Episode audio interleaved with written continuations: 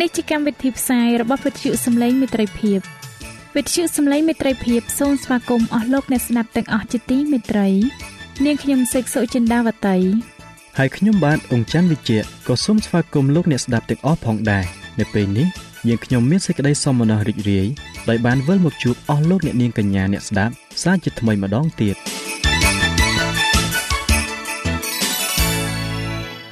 នាងខ្ញុំសេកសុចិន្តាវតី សូមជម្រាបជូនកម្មវិធីផ្សាយដែលមានជាបន្តបន្ទាប់ដូចតទៅនេតិជួបជាមួយព្រះបន្ទូល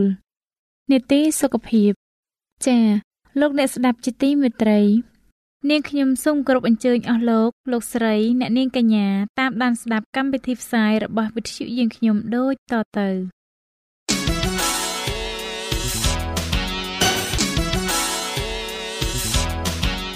នេតិជួបជាមួយព្រះបន្ទូល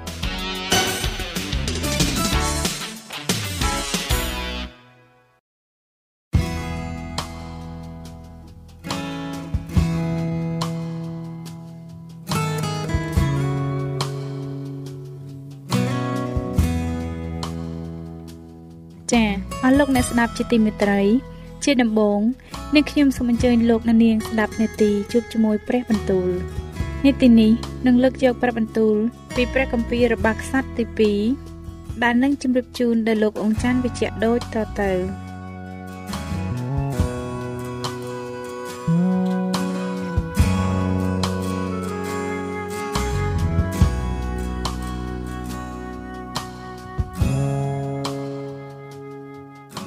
ព្រះគម្ពីររបស់ខ្សត្រទី2ចំពុកទី35យូសៀទ្រង់ក៏ធ្វើបុណ្យរំលងថ្វាយព្រះយេហូវ៉ានៅក្រុងយេរូសាឡឹមគេសម្រាប់ជាមធ្វើបុណ្យរំលងនោះនៅថ្ងៃ14ក្នុងខែចែកទ្រង់តាំងពួកសង្ឃឲ្យធ្វើការងារក្នុងតំណែងគេ ហើយក៏ណែនាំគេឲ្យតាំងចិត្តធ្វើការងារក្នុងព្រះវិហារនៃព្រះយេហូវ៉ាទ្រង់មានបន្ទូលទៅពួកលេវីជាអ្នកដែលបង្ហាត់បង្រៀនពួកអ៊ីស្រាអែលទាំងប៉ុន្មាន គឺជាពួកអ្នកបរិសុទ្ធដល់ព្រះយេហូវ៉ាថាចូលយកហបរិសុទ្ធទៅតាំងនៅក្នុងព្រះវិហារដែលសាឡូមោនជាព្រះរាជបុត្រាដាវីតស្ដេចអ៊ីស្រាអែលវ៉ាន់ស្អាងមិនចាំបាច់ឲ្យឯងរាល់គ្នាសែងទៀតឡើយឥឡូវនេះចូលបម្រើដល់ព្រះយេហូវ៉ាជាព្រះនៃឯងរាល់គ្នាហើយដល់អ៊ីស្រាអែលជារាជទ្រង់ផងចូលបំរុងខ្លួនជាស្រេចតាមវងនៃឪពុកឯងរាល់គ្នាដោយវេនដោយវេនឲ្យត្រូវតាមសេចក្តីដែលដាវីត ជាស្ដេចអ៊ីស្រាអែលនិងសាឡូមោនជាព្រះរាជបុត្រាទ្រង់បានកត់ទុកហើយឈរនៅក្នុងទីបរិសុទ្ធតាមផ្នែកពួកវងរបស់ឪពុកនៃបងប្អូនឯងរាល់គ្នាដែលជាកូនចៅនៃបណ្ដាជន តាមតំណែងការងារពួកវងរបស់ឪពុកនិមួយនិមួយក្នុងពួកលេវីរួចសម្រាប់ជាមសម្រាប់បន់រំលងហើយញែកខ្លួនចេញជាបរិសុទ្ធរួចមករៀបចំឲ្យពួកបងប្អូនចោះដើម្បីនឹងធ្វើតាមសេចក្តីដែលព្រះយេហូវ៉ាបានមានបន្ទូលដោយសារលោកម៉ូសេយូសៀ ទ្រង់ប្រទានកូនជាមនិងពួកកូនពពែពីហ្វូងសัตว์មានចំនួន30000និងគោ3000ដែលសុទ្ធតែជាព្រះរាជទ្រព្យដល់ពួកអ្នកក្នុងបណ្ដាជនទាំងឡាយគឺដល់អស់អ្នកដែលប្រជុំគ្នានៅទីនោះសម្រាប់ជាដង្វាយបន់រំលងឯពួកអ្នកដែលជាប្រធានរបស់ទ្រង់គេក៏ឲ្យដល់ពួកជន ពួកសង្ឃនិងពួកលេវីដែលស្ម័គ្រពីចិត្តដែរហើយហិលគីយ៉ាសាការី និងយេហ៊ីអែលជាពួកមេលើព្រះវិហារនៃព្រះក៏ឲ្យជាង2600 និងគោ300ដល់ពួកសង្ឃសម្រាប់ជាដង្វាយនៃបុណ្យរំលងឯកូណានីនិងសេម៉ាយ៉ាហើយនេថាណែលជាបងប្អូនលោកព្រមទាំងហាសាប់យ៉ាយីអែលនិងយូសាបាតជាមេពួកលេវី គេក៏ឲ្យជាង5000និងគោ500ដល់ពួកលេវីសម្រាប់ជាដង្វាយបុណ្យរំលងទៀតយ៉ាងនោះការងារទាំងអស់បានរៀបចំជាស្រេចពួកសង្ឃគេឈរនៅកន្លែងគេហើយពួកលេវីតាមវេនគេដែរតាមបង្គាប់ស្ដេច ពួកលេវីបានសម្លាប់ឈាមបនរំលងហើយពួកសង្ឃក៏យកឈាមពីដៃគេទៅប្រោះពួកលេវីក៏ពន្លត់ស្បែករួចគេរើសយកដង្វាយទាំងនោះ ទៅតម្រៀបដាក់តាមផ្នែកពួកវងរបស់ឪពុកនៃអស់អ្នកក្នុងបណ្ដាជនដើម្បីនឹងដុតថ្វាយដល់ព្រះយេហូវ៉ាតាមសេចក្តីដែលចែងទុកមកក្នុងគម្ពីរលោកម៉ូសេគេក៏ធ្វើដូច្នោះនឹងគោទាំងនោះដែរគេអាំងដង្វាយបនរំលងតាមរបៀបហើយស្ងោរដង្វាយបរិសុទ្ធទាំងប៉ុន្មានក្នុងឆ្នាំងថ្លាងនិងខ្ទះ រួចយកទៅចែកឲ្យដល់ពួកអស់អ្នកក្នុងបណ្ដាជនជាប្រញាប់ទើបរៀបចំសម្រាប់ខ្លួនគេនិងពួកសង្ឃជាខាងក្រោយត្បិតពួកសង្ឃជាកូនចៅអេរ៉ុនគេនៅជាប់ការថ្វាយដង្វាយដុតនិងខ្លាញ់ទាំងប៉ុន្មានដល់រាប់ដល់យប់បានជាពួកលេវីរៀបចំសម្រាប់ខ្លួនគេនិងពួកសង្ឃជាកូនចៅអេរ៉ុនដែរឯពួកកូនចៅអេសាបជាពួកអ្នកចម្រៀងគេក៏ឈរនៅកន្លែងគេតាមបង្គាប់ដាវីតអេសាបហេម៉ាន និងយេដូថិនជាអ្នកមើលឈុតរបស់ស្ដេចហើយពួកឆ្មាំទ្វារក៏នៅចាំរៀងរាល់តែទ្វារមិនចាំបាច់នឹងលែងធ្វើការងាររបស់គេទេត្បិតពួកលេវីជាបងប្អូនគេរៀបចំឲ្យដូច្នេះការងារនៃព្រះយេហូវ៉ាទាំងអស់បានរៀបចំជាស្រេចនៅថ្ងៃនោះឯងដើម្បីនឹងធ្វើបុណ្យរំលងហើយនឹងថ្វាយដង្វាយដុតនៅលើអាសនៈព្រះយេហូវ៉ាតាមបង្គាប់ស្ដេចយូសៀឯពួកកូនចៅអ៊ីស្រាអែលដែលនៅទីនោះ គេក៏ធ្វើបុណ្យរំលងនៅវេលានោះ ព្រមទាំងបុណ្យនំប៉័ងឥតដំបាយអស់7ថ្ងៃមិនដែលមានបុណ្យរំលងយ៉ាងនោះ នៅក្នុងស្រុកអ៊ីស្រាអែលឡើយចាប់តាំងពីគ្រាហោរាសាំយូអែលរៀងមកក៏មិនដែលមានស្ដេចនៃពួកអ៊ីស្រាអែលណាមួយបានធ្វើបុណ្យរំលងឲ្យដូចជាបុណ្យរំលងដែលយូសៀពួកសង្ឃពួកលេវីហើយពួកយូដានិងពួកអ៊ីស្រាអែលទាំងអស់បានប្រជុំគ្នាព្រមទាំងពួកអ្នកដែលនៅក្រុងយេរូសាឡឹមបានធ្វើនោះដែរគេបានធ្វើបុណ្យរំលងនោះនៅក្នុងឆ្នាំទី18នៃរាជយូសៀ ក្រោយការទាំងនោះមកក្នុងកាលដែលយូសៀបានរៀបចំព្រះវិហារហើយនោះនេកោជាស្ដេចអេស៊ីបទ្រង់ឡើងទៅច្បាំងនឹងក្រុងកើកេមីសនៅមាត់ទន្លេអេប្រាតហើយយូសៀទ្រង់យាងចេញទៅស្ទាក់ផ្លូវតែនេកោទ្រង់ចាត់រាជទូតមកទូលថាអោស្ដេចយូដាអើយតែយើងមានរឿងអ្វីនឹងគ្នានៅថ្ងៃនេះយើងមិនមែនមកទាស់នឹងទ្រង់ទេ គឺទៅទាស់នឹងពួកវងមួយដែលយើងមានសង្គ្រាមនឹងគេទេតា ព្រះក៏បានបង្គាប់ឲ្យយើងប្រញាប់នឹងធ្វើដែរដូច្នេះកុំឲ្យខាត់ខាំងព្រះដែលគង់ជាមួយនឹងយើងឡើយក្រែងព្រះបំផ្លាញទ្រង់ទៅប៉ុន្តែយូសៀមិនព្រមថយបាយចេញពីនៃកោទេ គឺបានខ្លាញ់ព្រះអង្គដើម្បីឲ្យបានច្បាំងនឹងទ្រង់វិញឥតស្ដាប់តាមពាក្យរបស់នៃកោដែលមកពីព្រះអស់នៃព្រះឡើយហើយយាងទៅច្បាំងនៅត្រង់ច្រកភ្នំមេគីដាវពួកពលធ្នូក៏បាញ់ត្រូវស្ដេចយូសៀរួចស្ដេចបង្គាប់ដល់ពួកទ័ពទ្រង់ថាចូលនាំយកអញចេញទៅត្បិតអញត្រូវរបួសជាទងន់ណាស់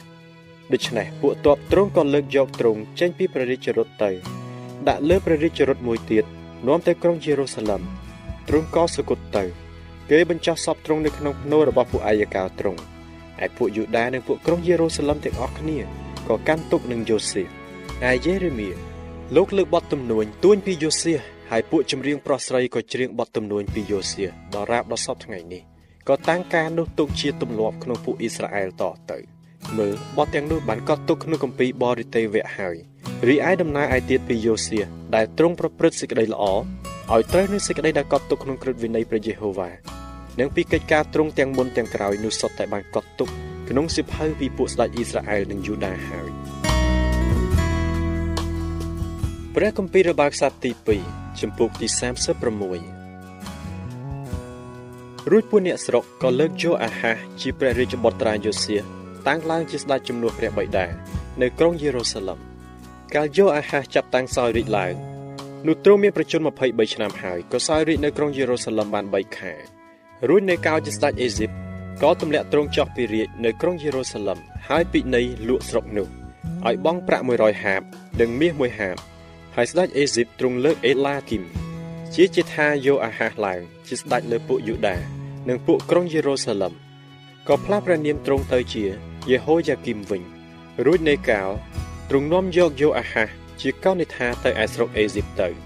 នោះកាលយេហូយ៉ាគីមចាប់តាំងសោយរាជឡើងនោះទ្រង់មានប្រជជន25ឆ្នាំហើយក៏សោយរាជនៅក្រុងយេរូសាឡឹមបាន11ឆ្នាំទ្រង់បានប្រព្រឹត្តអំពើដ៏លាមកអាក្រក់នៅព្រះនេតព្រះយេហូវ៉ាជាព្រះនៃទ្រង់ហើយនេបូខនេសាជាស្ដេចបាប៊ីឡូនបានឡើងមកទាស់នឹងទ្រង់ចាប់ដាក់ច្រវាក់នាំទៅឯស្រុកបាប៊ីឡូន នេបូខនេសាក៏យកគ្រឿងប្រដាប់ខ្លះនៃព្រះវិហារព្រះយេហូវ៉ាទៅឯក្រុងបាប៊ីឡូនដាក់ក្នុងព្រះរាជដំណាក់របស់ទ្រង់រីឯដំណើរឯទៀតពីយេហូយ៉ាគីមនឹងការគួរស្អប់ខ្ពើមទាំងប៉ុន្មានដែលទ្រង់បានប្រព្រឹត្តហើយទោសទាំងប៉ុន្មានដែលឃើញមាននោះសុទ្ធតែបានកត់ទុកនៅក្នុងសៀវភៅពីពួកស្ដេចអ៊ីស្រាអែលនិងយូដាហើយរួចយូយ៉ាគីនជាព្រះរាជបុត្រាក៏ឡើងសោយរាជជំនួសព្រះបិតាកាលយូយ៉ាគីនចាប់តាំងសោយរាជឡើង នោះទ្រង់មានប្រជជន18ឆ្នាំហើយក៏សោយរាជនៅក្រុងយេរូសាឡឹមបាន3ខែ10ថ្ងៃទ្រង់បានប្រព្រឹត្តអំពើដ៏លាមកអាក្រក់នៅព្រះនេតព្រះយេហូវ៉ាដល់ចូលឆ្នាំថ្មីនោះស្ដេចនេបូខនេសាចាត់គេឲ្យទៅនាំទ្រង់មកឲ្យក្រុងបាប៊ីឡូនហើយក៏យកគ្រឿងប្រដាប់យ៉ាងល្អទាំងប៉ុន្មាននៃព្រះវិហារព្រះយេហូវ៉ាមកផងរួចលោកសេដេគៀជាពេតុឡាទ្រង់ជាស្ដេចលើពួកយូដា និងពួកក្រុងយេរូសាឡឹមវិញ។កាលសេដេគៀចាប់តាំងសោយរាជឡើង នោះទ្រង់មានប្រជជន21ឆ្នាំហើយក៏សោយរាជនៅក្រុងយេរូសាឡឹមបាន11ឆ្នាំទ្រង់បានប្រព្រឹត្តអំពើដ៏លាមកអាក្រក់នៅព្រះនេត្រព្រះយេហូវ៉ាជាព្រះនិទ្រង់ឥតបន្ទាបព្រះតីនៅមុខហោរាយេរេមៀដែលលោកពលសេចក្តីដែលមកពីព្រះអស់ព្រះយេហូវ៉ាឡើយទ្រង់ក៏បះបោចំពោះស្ដេចនីបូខនេសាដែលស្ដេចនោះបានចាប់ឲ្យទ្រង់ស្បត់ដោយនៅព្រះ តែសេដេគៀបានធ្វើករឹងហើយតាំងប្រតិយរឹងរបឹង មិនព្រមបែរមកឯព្រះយេហូវ៉ាជាព្រះនៃសាសអ៊ីស្រាអែលទេ មួយទៀតអស់ទាំងមេនៃពួកសង្ឃនិងពួកបណ្ដាជនក៏ប្រព្រឹត្តរំលងយ៉ាងខ្លាំងតាមអស់ទាំងអំពើគួរស្អប់ខ្ពើមរបស់ពួកសាសដទៃគេធ្វើបង្អាប់ដល់ព្រះវិហារនៃព្រះយេហូវ៉ាដែលទ្រង់បានញែកជាបរិសុទ្ធនៅក្រុងយេរូសាឡឹមព្រះយេហូវ៉ាជាព្រះនៃពួកអាយកោគេទ្រង់បានចាត់ទូតទ្រង់ឲ្យទៅឯគេ ទាំងក្រៅពីព្រលឹមនឹងចាត់គេផងត្បិតទ្រង់មានព្រះハរតីអាណិតមេត្តាដល់រាជទ្រង់ហើយដល់ទីលំនៅទ្រង់ តែគេចំអកឲ្យពួកទូតនៃព្រះក៏មើលងាយដល់ព្រះបន្ទូលទ្រង់ព្រមទាំងលក់លើយឲ្យពួកហោរាទ្រង់វិញដល់រាបដល់សេចក្តីក្រោធរបស់ព្រះយេហូវ៉ាបានឈ្មោះឡើងទាស់នឹងគេទាល់តែរកកាយខៃមិនបានឡើយហេតុនោះព្រះទ្រង់នាំស្ដេចពួកខាល់ដេមកលើគេ ស្ដេចនោះបានសម្លាប់ពួកកំឡោះកំឡោះរបស់គេដោយដែរនៅក្នុងព្រះវិហារជាទីបរិសុទ្ធរបស់គេឥតមានមេត្តាករុណាដល់ទោះទាំងកំឡោះ ក្រមុំចាស់ទុំឬសក់ស្កូវណាឡើយទ្រង់បានប្រគល់គេទាំងអស់ទៅក្នុងកំដាប់ដៃព្រះហស្ថនៃស្ដេចនោះឯអស់ទាំងគ្រឿងប្រដាប់របស់ព្រះវិហារនៃព្រះ ទាំងធំទាំងតូចនិងរបស់ថ្លៃវិសេសទាំងប៉ុន្មានក្នុងព្រះវិហារនៃព្រះយេហូវ៉ាព្រមទាំងព្រះរាជទ្រព្យនៃស្ដេចនិងទ្រព្យរបស់ពួកអ្នកជាប្រធានរបស់ទ្រង់នោះក៏នាំយកទៅឯក្រុងបាប៊ីឡូនទាំងអស់គេដុតព្រះវិហារនៃព្រះបងហើយរំលំកំផែងក្រុងយេរូសាឡឹម ក៏ដុតអស់ទាំងព្រះរាជដំណាក់ហើយបំផ្លាញគ្រឿងប្រដាប់មានតម្លៃនៅក្នុងដំណាក់ទាំងនោះដែរឯអស់អ្នកដែលបានរួចពីដែរនោះទ្រង់ដឹកនាំទៅឯស្រុកបាប៊ីឡូនហើយគេក៏ធ្វើជាអ្នកបម្រើរបស់ទ្រង់និងវង្សានុវង្សរបស់ទ្រង់តទៅដល់រាប់ដល់នគរពឺស៊ីបានគ្រប់គ្រងរាជទ្រង់ដើម្បីឲ្យបានសម្រេចតាមព្រះបន្ទូលនៃព្រះយេហូវ៉ាដែលមកដោយសារមាត់ហោរាយេរេមៀទាល់តែស្រុកនោះបានគម្រប់ពេល ដែលត្រូវឈប់សម្រាកឲ្យបានគ្រប់70ឆ្នាំបិទក្នុងរវាងដែលចោលទទេនោះស្រុកបានឈប់សម្រាកទៅរីឯនៅឆ្នាំដំបូងក្នុងរាជស៊ីរូសជាស្ដេចស្រុកពឺស៊ីនោះព្រះយេហូវ៉ាទ្រង់បានបណ្ដាព្រះតីទ្រង់ឡើងដើម្បីឲ្យស្ដេចបានធ្វើសម្រេចតាមព្រះបន្ទូលនៃព្រះយេហូវ៉ាដែលមកដោយសារមាត់ហោរាយេរេមៀគឺឲ្យទ្រង់បានចេញប្រកាសដល់អាណាខេត្តរបស់ទ្រង់ហើយឲ្យសេចក្តីនោះបានកត់ទុកផងថាស៊ីរុសជាស្ដេចពឺស៊ី ទ្រង់មានព្រះរាជអង្គការដូចនេះថាព្រះយេហូវ៉ាជាព្រះនៃស្ថានសួគ៌ទ្រង់បានប្រទានអស់ទាំងនគរនៅផែនដីមកជើងហើយទ្រង់បានបង្គាប់ឲ្យយើងស្អាងព្រះវិហារថ្វាយទ្រង់នៅក្រុងយេរូសាឡឹមក្នុងស្រុកយូដាដូច្នេះនៅក្នុងពួកប្រជាជនទាំងឡាយបើមានអ្នកណាជារបស់ផងព្រះយេហូវ៉ានោះសូមឲ្យព្រះនៃអ្នកនោះបានគង់ជាមួយហើយឲ្យអ្នកនោះឡើងពេកចោល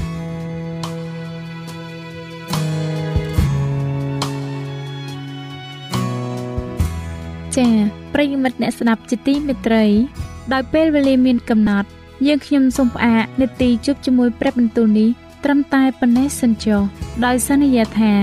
នឹងលើកយកនីតិនេះមកជម្រាបជូនជាបន្តទៀតនៅថ្ងៃស្អែកសូមអរគុណ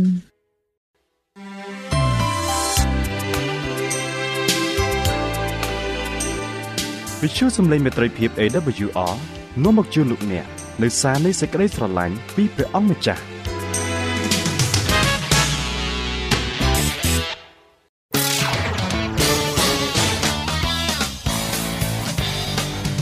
សូមជូននីតិសុខភាព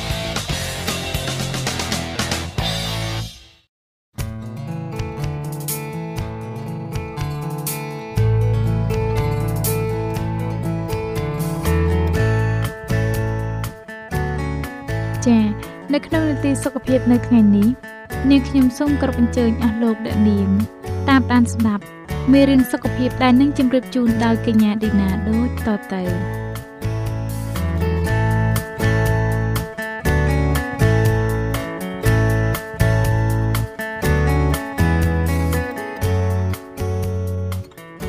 នកខ្ញុំសូមជម្រាបសួរអស់លោកអ្នកស្ដាប់ជាទីមេត្រីសូមឲ្យលោកអ្នកបានប្រកបដោយប្រគុណនិងសេចក្តីសុខសាន្តអំពីព្រះដ៏ជាព្រះវរបិតានៃយើងហើយអំពីព្រះអម្ចាស់យេស៊ូវគ្រីស្ទនាងខ្ញុំមានអំណរណាស់ដែលវិលមកជួបលោកអ្នកសាជាថ្មីនៅក្នុងនាទីសុខភាពនេះម្ដងទៀតហើយនៅថ្ងៃនេះនាងខ្ញុំសូមលើកយកមេរៀនដែលមានចំណងជើងថាខ្ញុំមានហ្សែនមិនល្អចាការពិភាក្សាមុនលោកអ្នកបានស្គាល់ហ្សែនរួចមកហើយនៅថ្ងៃនេះនាងខ្ញុំនឹងជម្រាបជូនដល់លោកអ្នកបន្តទៀតពីចំណុចទី5រហូតដល់ចំណុចទី7 ដូច្នេះនាងខ្ញុំសូមគោរពអញ្ជើញលោកអ្នកតាមដានស្ដាប់មេរៀនសុខភាពរបស់យើងដែលនិយាយពីហ្សែនភាគទី2ដូចតទៅចំណុចទី5នាងមីលីហើយនិងហ្សែនរបស់នាងនាងបាននិយាយថាថ្ងៃមួយកាលពីខ្ញុំអាយុ9ឆ្នាំហើយបងប្រុសរបស់ខ្ញុំឈ្មោះ George អាយុ11ឆ្នាំ ពួកខ្ញុំរងចាំនៅក្បែរមាត់ទ្វារបន្ទប់គេនៅឯផ្ទះចាស់យ៉ាងយូរដោយសេចក្តីផិតភ័យនៅខាងក្នុងម្ដាយរបស់ខ្ញុំបានសន្លប់ស្តុកស្ដឹងដោយជំងឺទឹកនោមផ្អែមគាត់មិនបាននិយាយអ្វីសោះអស់ពេល4 5ថ្ងៃហើយពេទ្យប្រាប់ពួកខ្ញុំឲ្យនៅស្ងៀមស្ងាត់ពីព្រោះម្ដាយខ្ញុំឈឺធ្ងន់ ថ្នាំអាំងស៊ូលីនត្រូវបានគេស្រាវជ្រាវរកឃើញប៉ុន្តែមិនទាន់ត្រូវបានយកមកប្រើប្រាស់នៅក្នុងទីក្រុងរបស់ខ្ញុំនៅឡើយហើយពេលគេបើកឲ្យប្រើប្រាស់វាហួសពេលនិងសង្គ្រោះម្ដាយជាទីស្រឡាញ់របស់ខ្ញុំទៅហើយលោកគ្រូពេទ្យចេញពីបន្ទប់គេដោយធ្លាក់ទឹកមុខរួចខ្សឹបថាគាត់ផុតហើយការនោះឯងគឺជាពេលដែលកែប្រែជីវិតរបស់ខ្ញុំជារៀងរហូត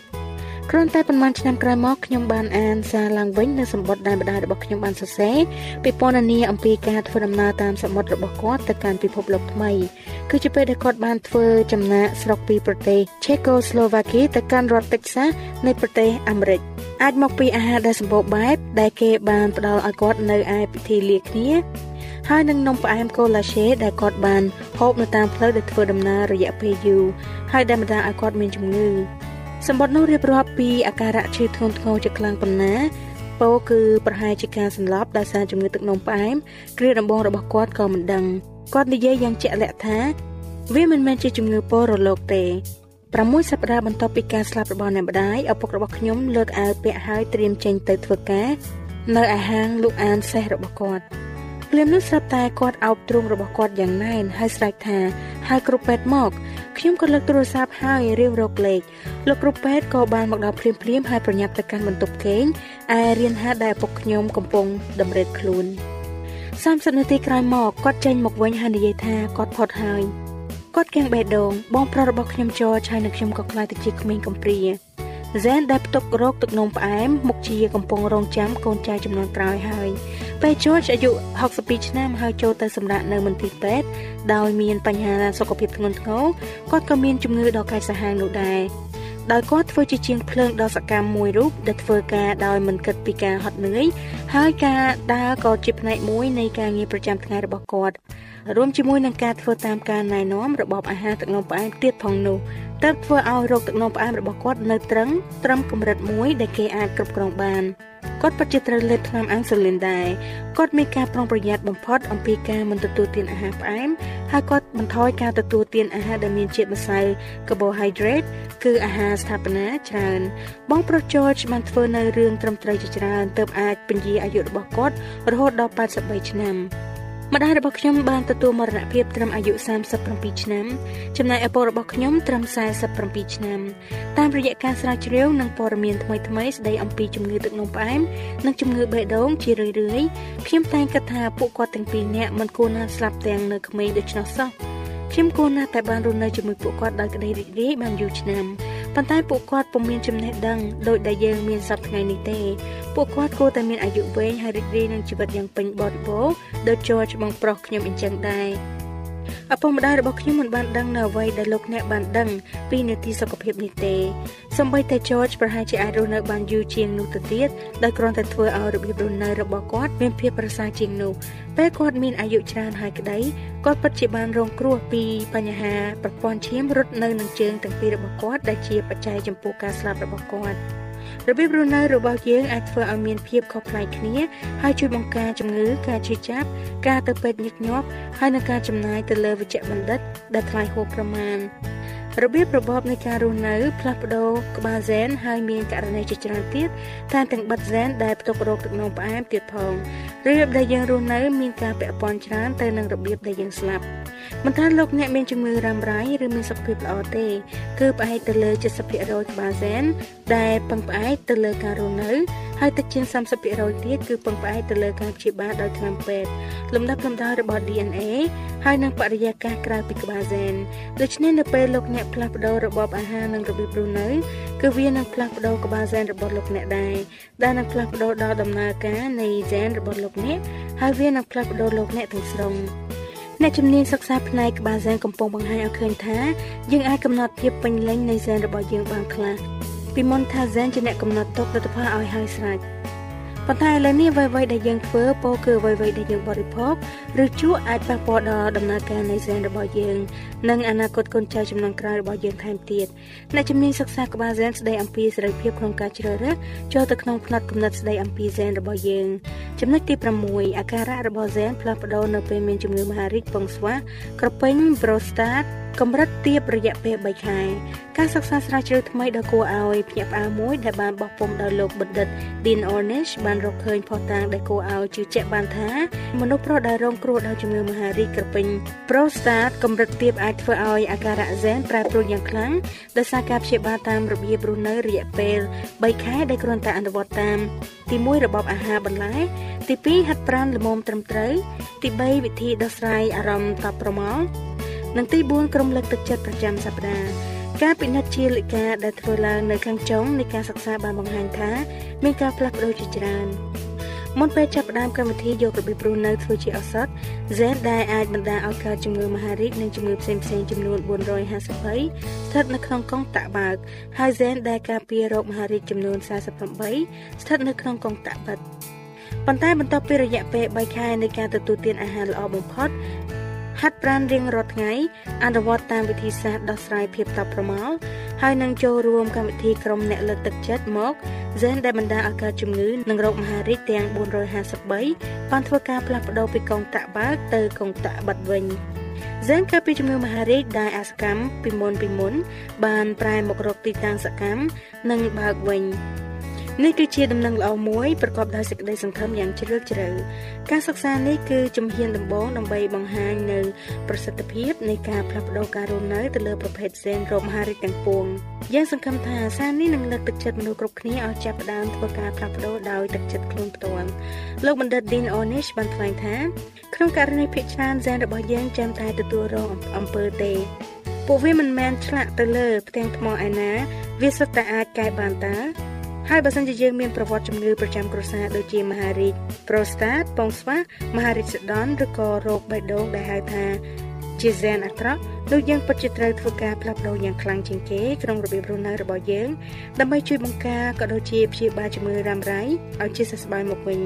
គ្រប់យ៉ាងមិនមែនដោយសារតែហ្សែនរបស់យើងទាំងអស់នោះទេជំរុញពិតជាមានឥទ្ធិពលដ៏មហាសាលមែន ចាចំណុចទី7មាន3ចំណុចទី1និយាយពី telomere ជាបរិវេណខាងចុងនៃក្រូម៉ូសូមទី2និយាយពីភាពតបប្រមងនិងទី3និយាយពីភាពចាស់ជរានៅចុងក្រូម៉ូសូមនីមួយៗមានកន្ទុយឬក្បាលបញ្ចប់មួយដែលគេហៅថាថូឡូមៀអ្នកវិទ្យាសាស្ត្របានរកឃើញថានៅពេលដែលក្រូម៉ូសូមបង្កើតខ្លួនជាថ្មីផ្នែកកន្ទុយថូឡូមៀបានរួញចុះការរួញនេះមានទំនាក់ទំនងទៅនឹងភាពវ័យចំណាស់របស់សារពាង្គកាយថូឡូមៀអាចបំបែកខ្លួនបានប្រមាណជា50ដងប៉ុណ្ណោះប្រភពចម្លងមួយដើម្បីលើកស្ទួយសុខភាពថូឡូមៀនិងការពារក្រូម៉ូសូមមិនឲ្យខូចខាតនោះគឺជាអង់ស៊ីម telomerase ដែលជួយជួសជុល telomere ហើយរក្សាវាឲ្យកាន់តែវែងល្អអ្នកឈ្នះរង្វាន់ Nobel លោកស្រី Elizabeth Blackburn បានរកឃើញអង់ស៊ីម telomerase លោកស្រីមានប្រសាសន៍ថាការរក្សាចុងក្រូម៉ូសូមឲ្យមានសុខភាពល្អគឺជាកូនសោរដើម្បីបង្ការការបង្កកោសិកាមហារីកដំបងដំបងហើយពន្យាការចាស់ជរាលោកស្រីបញ្យល់ថាអារម្មណ៍ផ្លូវចិត្តតបប្រមល់ធ្ងន់ធ្ងររ៉ាំរ៉ៃធ្វើឲ្យថូឡូមៀចុះខ្សោយ អារម្មណ៍តបប្រមាថផ្សេងផ្សេងដូចជាការថែរក្សាឪពុកម្ដាយដែលមានរោគភ្លេចភ្លាំងឬក៏ជាការភ័យខ្លាចបាត់បង់ការងារសុទ្ធតែប៉ះពាល់ទៅដល់ដំណើរការរបស់ហ្សែនសម្បីតែសេដ្ឋកិច្ចដែលធ្លាក់ចុះក៏ធ្វើឲ្យមនុស្សធុញថប់ធ្លាក់ខ្លួនឈឺបានដែរតើលោកអ្នកធ្វើអ្វីនៅពេលមានអារម្មណ៍តបប្រមាថខ្លាំងហាត់ប្រាណចំណាយពេលស្ងប់ស្ងាត់ជាមួយព្រះដោយការអធិដ្ឋានហើយអនុញ្ញាតឲ្យព្រះអង្គបានមានបន្ទូលមកកាន់អ្នកដែលព្រះបន្ទូលរបស់ទ្រង់គឺជាកូនសោដើម្បីការពារនិងកាត់បន្ថយភាពតបប្រមាថ ឱសថទាំងនេះអាចជួយធ្វើឲ្យស្ងប់រងាប់សរសៃរបស់យើងហើយអាចមានប្រយោជន៍ច្រើនជាងថ្នាំពេទ្យរងាប់អារម្មណ៍ទៀតផងនាង Katie ត្រូវបានបញ្ជូនទៅកាន់មន្ទីរពេទ្យក្នុងកំឡុងពេលដែលមានសេដ្ឋកិច្ចធ្លាក់ចុះជាខ្លាំងចំណូលរបស់នាងត្រូវបានកាត់បន្ថយ20%ចំណែកឯបន្ទុក ការពារវិញកើនឡើងជាលំដាប់នាងបងប្រាក់ថ្លៃផ្ទះមិនទាន់ហើយភ័យខ្លាចតែផ្ទះនោះត្រូវគេរឹបអូសយកវិញនាងបង្ខំចិត្តធ្វើការក្រៅម៉ោងបន្ថែមទៀតដែលបណ្ដាលឲ្យអារម្មណ៍តបប្រមល់ផ្លូវចិត្តរបស់នាងក៏កាន់តែកើនឡើងរោគសញ្ញាផ្នែកខាងក្រៅរបស់នាងមានដូចជាឆាប់ភ័ន្តភាំងយំគេមិនលក់ហើយនឹងហត់ហេវអស់កម្លាំងអារម្មណ៍តបប្រមាថរបស់នាងមិនគ្រាន់តែបង្ហូរអរម៉ូនតបប្រមាថអវិជ្ជមានចូលទៅសរសៃឈាមយ៉ាងច្រើនប៉ុណ្ណោះទេ ប៉ុន្តែយូរទៅមិនបាច់សង្ស័យទេវានឹងកាត់បន្ថយអង់ស៊ីម telomerase របស់នាងវិញហើយត្រៀមនាងឲ្យមានជំងឺមហារីកនាពេលអនាគតដូច្នេះតាមមានអ្វីអាចជួយសម្រាលភាពតានតឹងតបប្រមាថក្នុងចិត្តនាង ហើយជួយការពារគ្រោះថ្នាក់ដល់រាងកាយរបស់នាងបាន ចម្លើយគឺដើរដើរហើយដើរទៀតហើយអតិថានអតិថានហើយអតិថានទៀតនាងត្រូវតែផ្លាស់ប្ដូររបៀបរស់នៅរបស់នាងទៅបានដូចជាការស្រាវជ្រាវដ៏សំខាន់របស់លោកបណ្ឌិត Dean Ornish បានបង្ហាញអញ្ចឹងដែរថាអ្នកដែលជ្រើសរើសយករបៀបរស់នៅដ៏ល្អបំផុតមានសក្តានុពលក្នុងការបង្កើន telomerase បាន30%ដូច្នេះការផ្លាស់ប្ដូររបៀបរស់នៅរបស់នាង Katie អាចមានសក្តានុពលជួសជុល telomerase របស់នាងឡើងវិញ ការរស់នៅប្រកបដោយតុល្យភាពពេញលក្ខណៈរបស់នាងមានរាប់បញ្ចូលទាំងរបបអាហារដែលមានជីវជាតិគ្រប់គ្រាន់អាចជួយការពារក្រុមសូមរបស់នាងមិនឲ្យចាស់មុនអាយុចាអរលោកអ្នកស្ដាប់ជាទីមេត្រីពេលវេលានៃនាទីសុខភាពរបស់យើងបានមកដល់ទីបញ្ចប់ហើយនេះខ្ញុំនឹងវិលមកជួបអស់លោកអ្នកម្ដងទៀត នៅក្នុងនាទីរបស់យើងលើកក្រោយដោយបាននាំនៅភាគទី3នៃមេរៀនដដែលនេះមកជូនដល់លោកអ្នកជាបន្តទៀតចា៎ដូច្នេះសូមអរព្រះជាម្ចាស់បានប្រទានពរដល់អស់លោកអ្នកបងប្អូនទាំងអស់គ្នាសម្រាប់ពេលនេះនាងខ្ញុំឌីណាសូមអរគុណសូមជម្រាបលា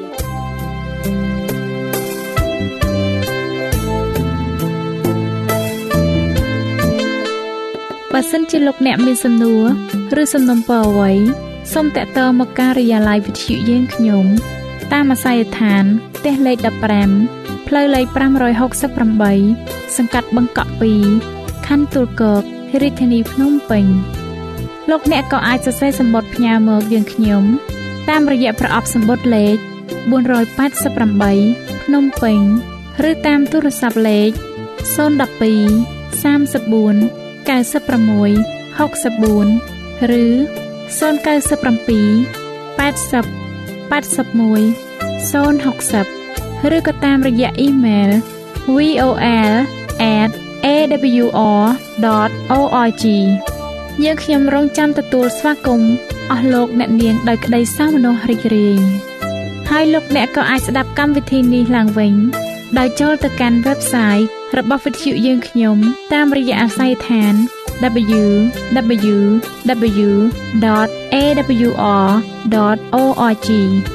លោកអ្នកនាងកញ្ញាជាទីមេត្រី កម្មវិធីផ្សាយរបស់វិទ្យុសំឡេងមិត្តភាពនៅពេលនេះសូមបញ្ចប់តែប៉ុណ្ណេះយើងខ្ញុំសូមអរគុណចំពោះការតាមដានស្ដាប់របស់អស់លោកអ្នកតាំងពីដើមរហូតដល់ចប់យើងខ្ញុំសូមជូនពរឲ្យអស់លោកអ្នកនាងកញ្ញាទាំងអស់បានចម្រើនឡើងក្នុងព្រះគុណព្រះអង្គម្ចាស់ហើយក្នុងការទទួលយកព្រះយេស៊ូវគ្រីស្ទជាព្រះអង្គម្ចាស់ និងជាព្រះអង្គសង្គ្រោះនៃយើងរាល់គ្នានាទីផ្សាយរបស់វិទ្យុយើងខ្ញុំនឹងវិលមកជួបអស់លោកអ្នកសាជាថ្មីម្ដងទៀតនៅថ្ងៃស្អែកវេលាម៉ោងដដែលនាងខ្ញុំសេកសុចិន្តាវតីនិងខ្ញុំបាទអ៊ំច័ន្ទវិជ្ជៈសូមអរគុណសូមជម្រាបលា